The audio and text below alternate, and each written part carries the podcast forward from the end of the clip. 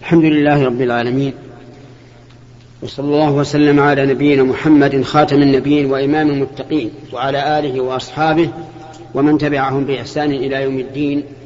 أما بعد فهذا هو اللقاء الثامن والعشرون بعد المئتين من لقاءات الباب المفتوح التي تتم كل يوم خميس في كل أسبوع.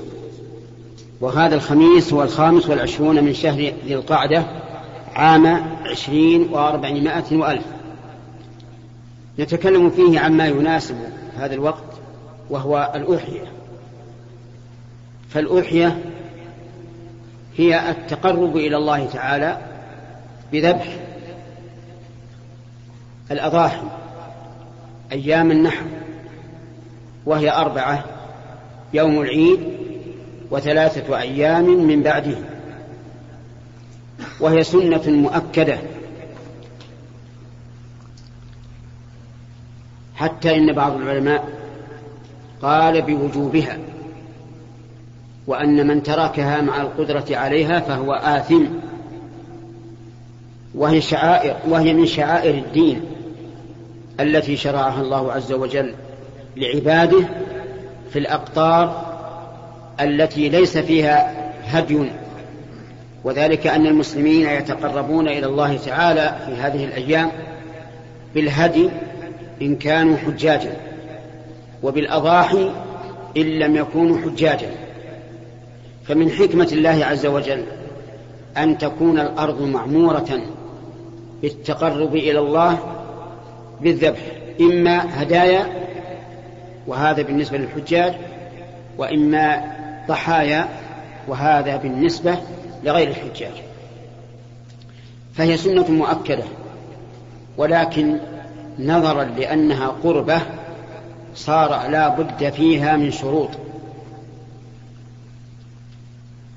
إذ لو كان المراد مجرد اللحم إذ لو كان المراد مجرد اللحم لجازت بكل شيء حتى بالدجاج والظباء والأرانب والصغار والكبار لو كان المراد مجرد اللحم لكن المراد التقرب إلى الله تعالى بالذبح الذي قرنه الله بالصلاة في قوله تعالى فصل لربك وانحر وقوله تعالى إن صلاتي ونسكي ومحياي ومماتي لله رب العالمين لا شريك له وبذلك نعرف قصور من ظنوا أن المراد بالأضحية الانتفاع بلحمها.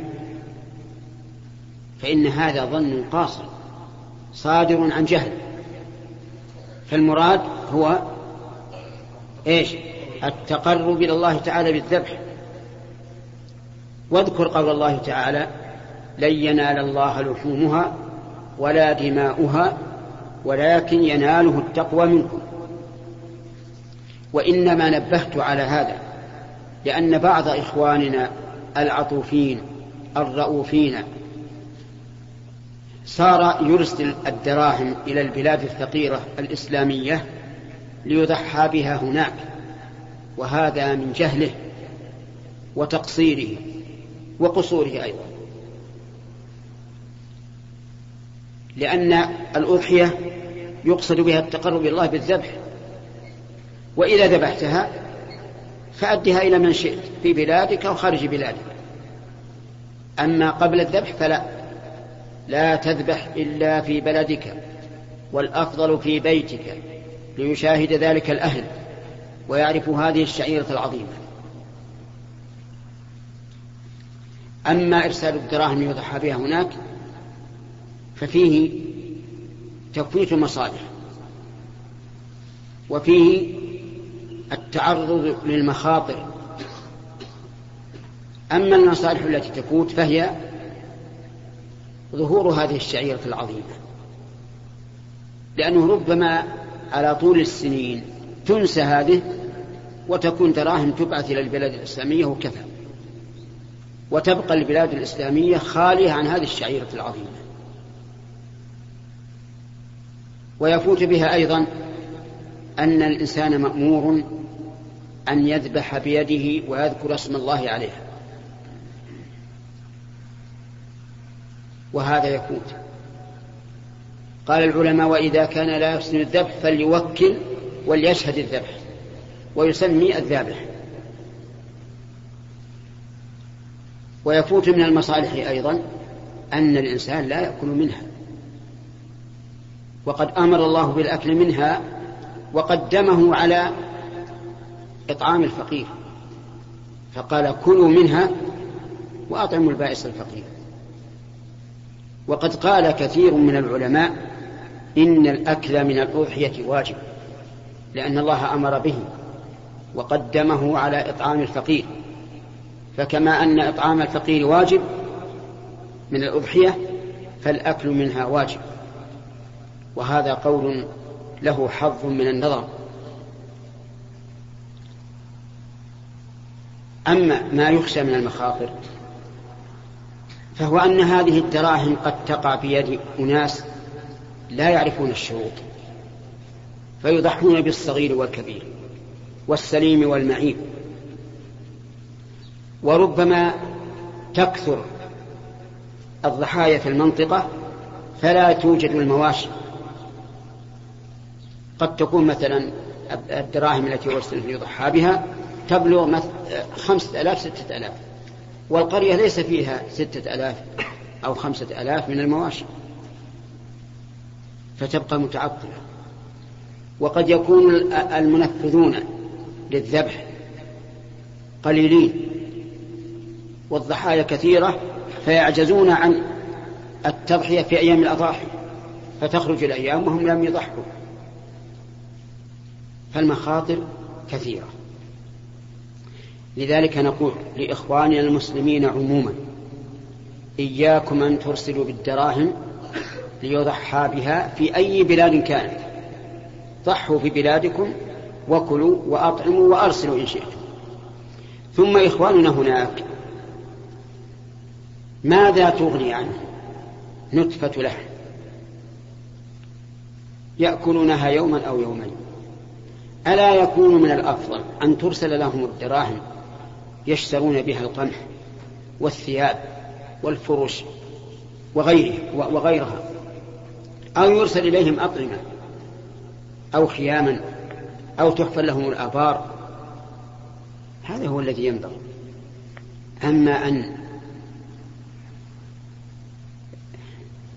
نفسد هذا النسك العظيم ونخرجه من بلادنا إلى بلاد أخرى فليس ذلك من الشريعة ولا من المستحب بل ينبغي التحذير عنه والحذر منه.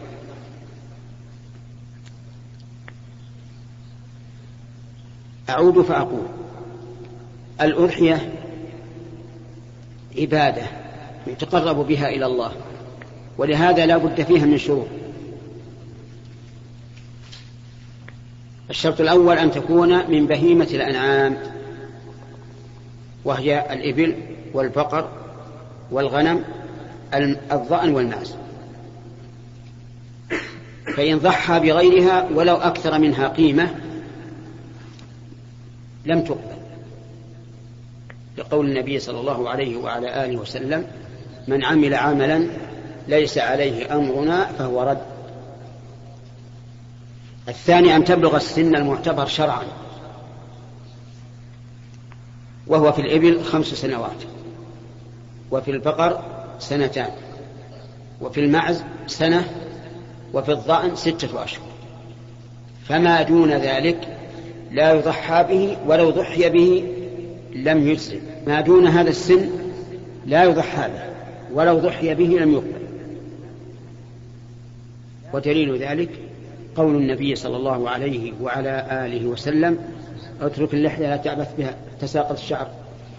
قول النبي صلى الله عليه وعلى آله وسلم لا تذبحوا إلا مسنة أي ثنية إلا أن تعسر عليكم فتذبحوا جذعة من الضأن. والجذعة من الضأن ما له ستة أشهر. الشرط الثالث أن تكون سليمة من العيوب المانعة من الإجزاء.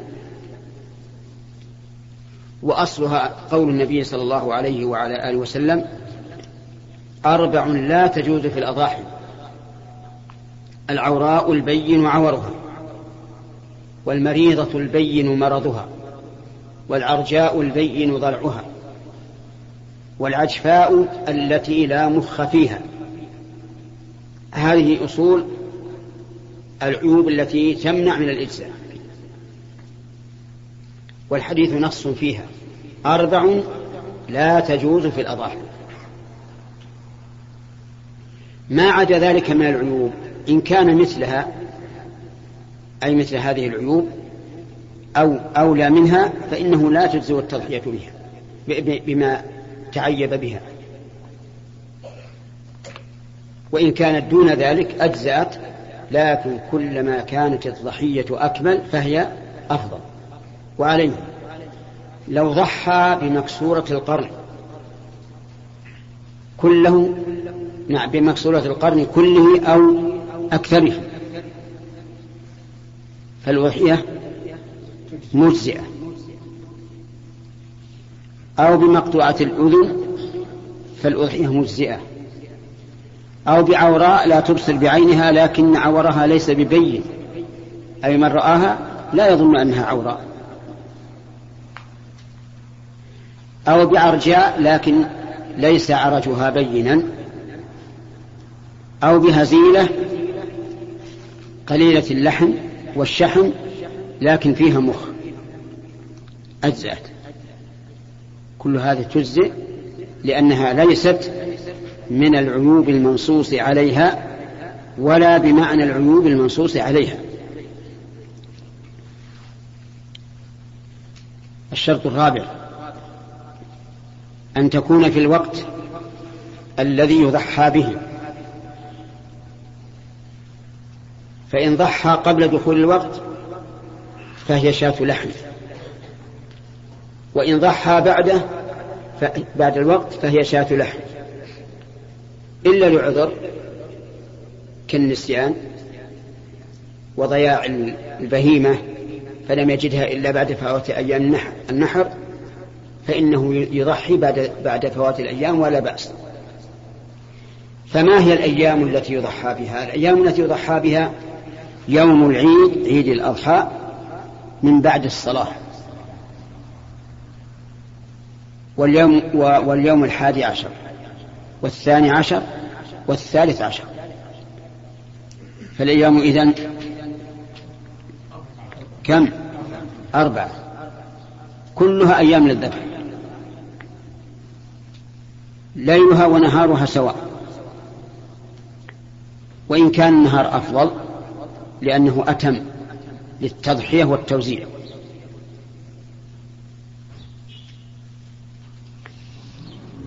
فالشروط إذن أربعة. وكون الشارع يجعل لها شروطا معينة محددة يدل على أنه ليس المقصود هو إيش؟ اللحم. المقصود عبادة موصوفة بأوصاف معينة وشروط معينة وذلك فرق بينها وبين المقصود بها اللحم. واسمع إلى حديث أبي بردة بن نيار رضي الله عنه حين ذبح أضحيته قبل الصلاة. فلما خطب النبي صلى الله عليه وسلم وقال من ذبح قبل الصلاة فلا نسك له. قال أبو بردة يا رسول الله إني ذبحت نسيكتي قبل الصلاة. قال له شاتك شاة لحم. الفرق؟ شاتك شاة لحم يعني ليست شاة أضحية ونسك. شاتك شاة لحم يعني لا تجزئه مع أنه جاهل ومجتهد. وأحب أن يكون أول ما يؤكل في البيت أضحيته. ومع ذلك لم يعذره النبي صلى الله عليه وعلى آله وسلم لأنه أوقع العبادة قبل وقتها. كما لو صلى الظهر قبل الوقت ظانا أن الشمس قد زالت فتبين أنها لم تزل فإن صلاته لا تجزئ لم باطلة لا تجزئه عن الظهر بل تكون نفلا ويعيد صلاة ويعيدها صلاة ظهر بعد دخول الوقت. طيب لو ضحى في اليوم الرابع عشر أتجزي أو لا؟ شوفوا يا جماعة رحمك الله. لا تجزي لأنها في غير الوقت. بل تكون شاة لحم إلا إذا كان لعذر. كإنسان أترك اللحية أترك حمايتك كإنسان نسي أن يضحي. ثم ذكر يعني قد عين الشاة وجعله أضحية منتهي كل شيء لكن نسي ثم ذكر بعد تمام أيام التشريق فليذبحها وتكون أضحية. أو إنسان جهل إنسان في بادية ولم يعلم عن دخول الشهر. وظن أن اليوم الرابع عشر هو الثالث عشر. ثم ذبح. فلا بأس تجزئه لأنه جاهل. أو إنسان عين الشاة أضحية فهربت. ولم يعثر عليها إلا في اليوم الرابع عشر. فليذبحها ولا حرج. أو سرقت. ثم لم يجدها إلا في اليوم الرابع عشر فليذبحها ولا حرج. لماذا؟ لأنه معذور. وقد قال النبي صلى الله عليه وعلى آله وسلم في الصلاة من نام عن صلاة أو نسيها فليصلها إذا ذكرها لا كفارة لها إلا ذلك.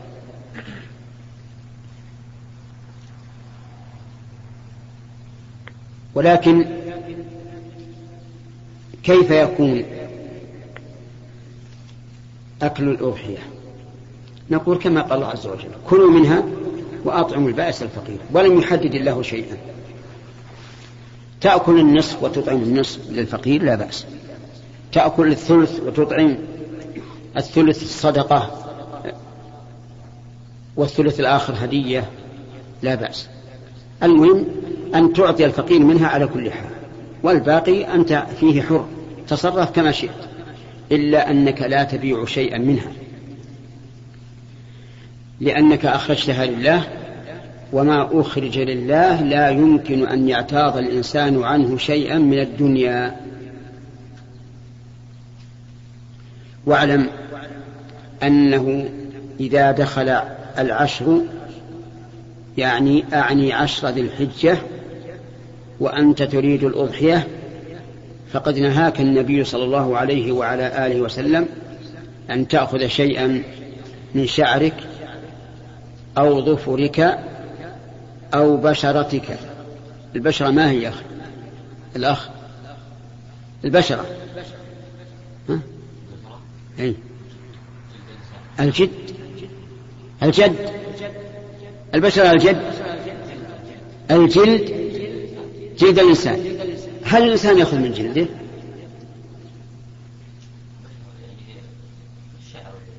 لا يقول لا يأخذ من شعره ولا من ظفره ولا من بشره.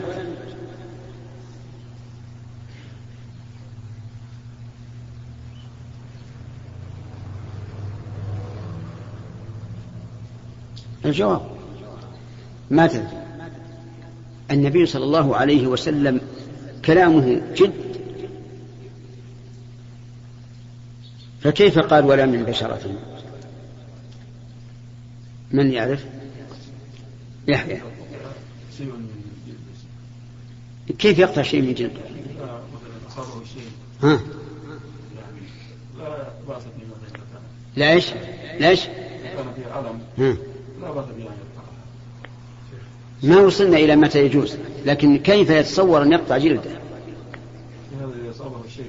ها؟ أصابه شيء إيش؟ أصابه شيء في جسده؟ إيه.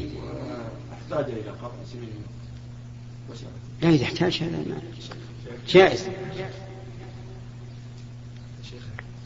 طيب موسى. القشرة التي على سطح. الجلد. كيف؟ قشرة ها. زائدة على سطح الجلد. إيه. نعم. إيه. طيب. بعض الناس آه، حافة القدم. يكون في جلد طالع هم يعني يقشرون الأقدام من الكتاب. إيه هو على كل حال أمر متصور. أحيانا كما قال الأخ موسى يكون قشرة منجرحة من قبل وجفت وصار عليها شيء متجمد لا تأخذه. هذه واحد. الثاني بعض الناس يكون في قدم في أقدامه ولا سيما في أعقابه شقوق. فيبدأ يقشرها. فلا تفعل. أما لو انسلخ شيء من الجلد وآذاك فلا بأس أن تقص ما يؤذيك لأن هذا لحاجة. وهذا الحكم أعني النهي عن أخذ الشعر والظفر والبشرة خاص بمن يضحي فقط. أما من يضحى عنه فلا بأس أن يأخذ. وعلى هذا فإذا ضحى فإذا أراد الإنسان أن يضحي عنه وعن أهل بيته فالحكم يتعلق به هو نفسه. أما أهل البيت فلا حرج عليهم أن يأخذوا من ذلك شيئا. خلافا لمن قال من العلماء إن من يضحى عنه كمن يضحي. أي يتجنب الأخذ من هذه الأشياء فإن هذا القول ضعيف. لأن الحديث صريح أراد أحدكم أن يضحي ولم يقل أو يضحى عنه. ثم إن النبي صلى الله عليه وعلى آله وسلم كان يضحي عنه وعن أهل بيته ولم ينههم عن ذلك. أخي المسلم أنت مقبل على العشر الأول من شهر ذي الحجة. هذه العشر حث فيها النبي صلى الله عليه وسلم على الأعمال الصالحة. حتى قال ما من أيام العمل الصالح فيهن أحب إلى الله من هذه الأيام العشر. يعني عشر ذي الحجة. قالوا ولا الجهاد في سبيل الله. قال ولا الجهاد في سبيل الله. إلا رجل خرج بنفسه وماله فلم يرجع من ذلك بشيء. يعني أنه قتل وسلب الكفار ماله. هذا أفضل. فعليك أخي المسلم عليك بكثرة الأعمال الصالحة في هذه الأيام العشر من قراءة القرآن والذكر والصدقة والصيام. وأظنكم ترون ما أرى. من غفلة الناس عن فضل هذه الأيام. حتى إنك ترى الناس تمر بهم هذه الأيام لا يحدثون شيئا. بينما الناس في عشر رمضان يكثرون من الأعمال الصالحة والمساجد فيها القارئ فيها الداعي ويتهجدون في الليل لكن هذه الناس في غفلة عنها. فعليكم طلبة العلم أن تبينوا فضلها للعامة والعامة يحبون الخير لكن قد غفل الناس عن تنبيههم فتجدهم لا يختلف عملهم فيها عن عملهم في ما قبلها. حثهم على الأعمال الصالحة ولا سيما التكبير في هذه الأيام. الله أكبر الله أكبر لا إله إلا الله. والله أكبر الله أكبر ولله الحمد. أو تثلثوا الله أكبر الله أكبر الله أكبر لا إله إلا الله. والله أكبر الله أكبر الله أكبر ولله الحمد. يجهر بها الرجال في المساجد والأسواق والبيوت وتسر بها النساء. أسأل الله تبارك وتعالى أن يرزقنا جميعا اغتنام الأوقات, اغتنام الأوقات بالأعمال الصالحات. وأن يجنبنا وإياكم منكرات الأخلاق والأعمال والأقوال. إنه على كل شيء قدير وإلى الأسئلة. خلها معك. أسئلة شفوية. السلام عليكم. فضيلة الشيخ ما أفضل الطرق لمجاهدة مجاهدة النفس على طلب العلم؟ أنت أنت فسرت أقرب الطرق. أن تجاهد نفسك. جاهد نفسك وصبرها على طلب العلم بلزوم العلماء وحفظ كتاب الله عز وجل.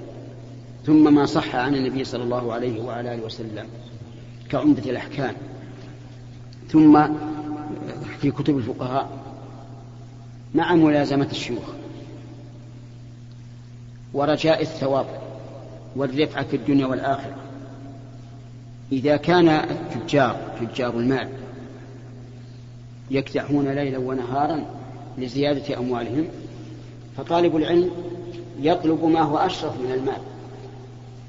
فليكدح ليله ونهاره حتى ينال ما وعد الله به في قوله يرفع الله الذين آمنوا منكم والذين أوتوا العلم درجات. يسار فضيلة الشيخ. أحد الأشخاص توفي له قريب في حادث فجاءته تعزية في الجريدة فأخذ هذه التعزية وعلقها في البيت وأيضا وضعها في طاولة عمله وأيضا صور السيارة التي كان فيها الحادث ووضعها أيضا في البيت وفي الطاولة. فقال له أحد الأشخاص هذا من نعي الجاهلية. فهل هذا صحيح؟ صحيح. هذا من فعل الجاهلية الذي نهى عنه النبي صلى الله عليه وسلم لأن هذا نعي وقد نهى النبي صلى الله عليه وسلم عن النعي فكل ما يكون سببا لتهييج الأحزان وتجديدها فإنه داخل في هذا فوصيتي أن تتصل بهذا الرجل وتقول إني أسلم عليهم ولينزع هذا من بيته ومن طاولة مكتبه وليستعن بالله على الصبر لأني أخشى أن هذا العمل مع كونه قريبا من الإثم أخشى أن يحرم الصبر. نعم. إذا كان ما علق بس صور السيارة أبدا أبدا. وليتناساها ويعرض عن هذا. كأن شيئا لم يجري. والحمد لله.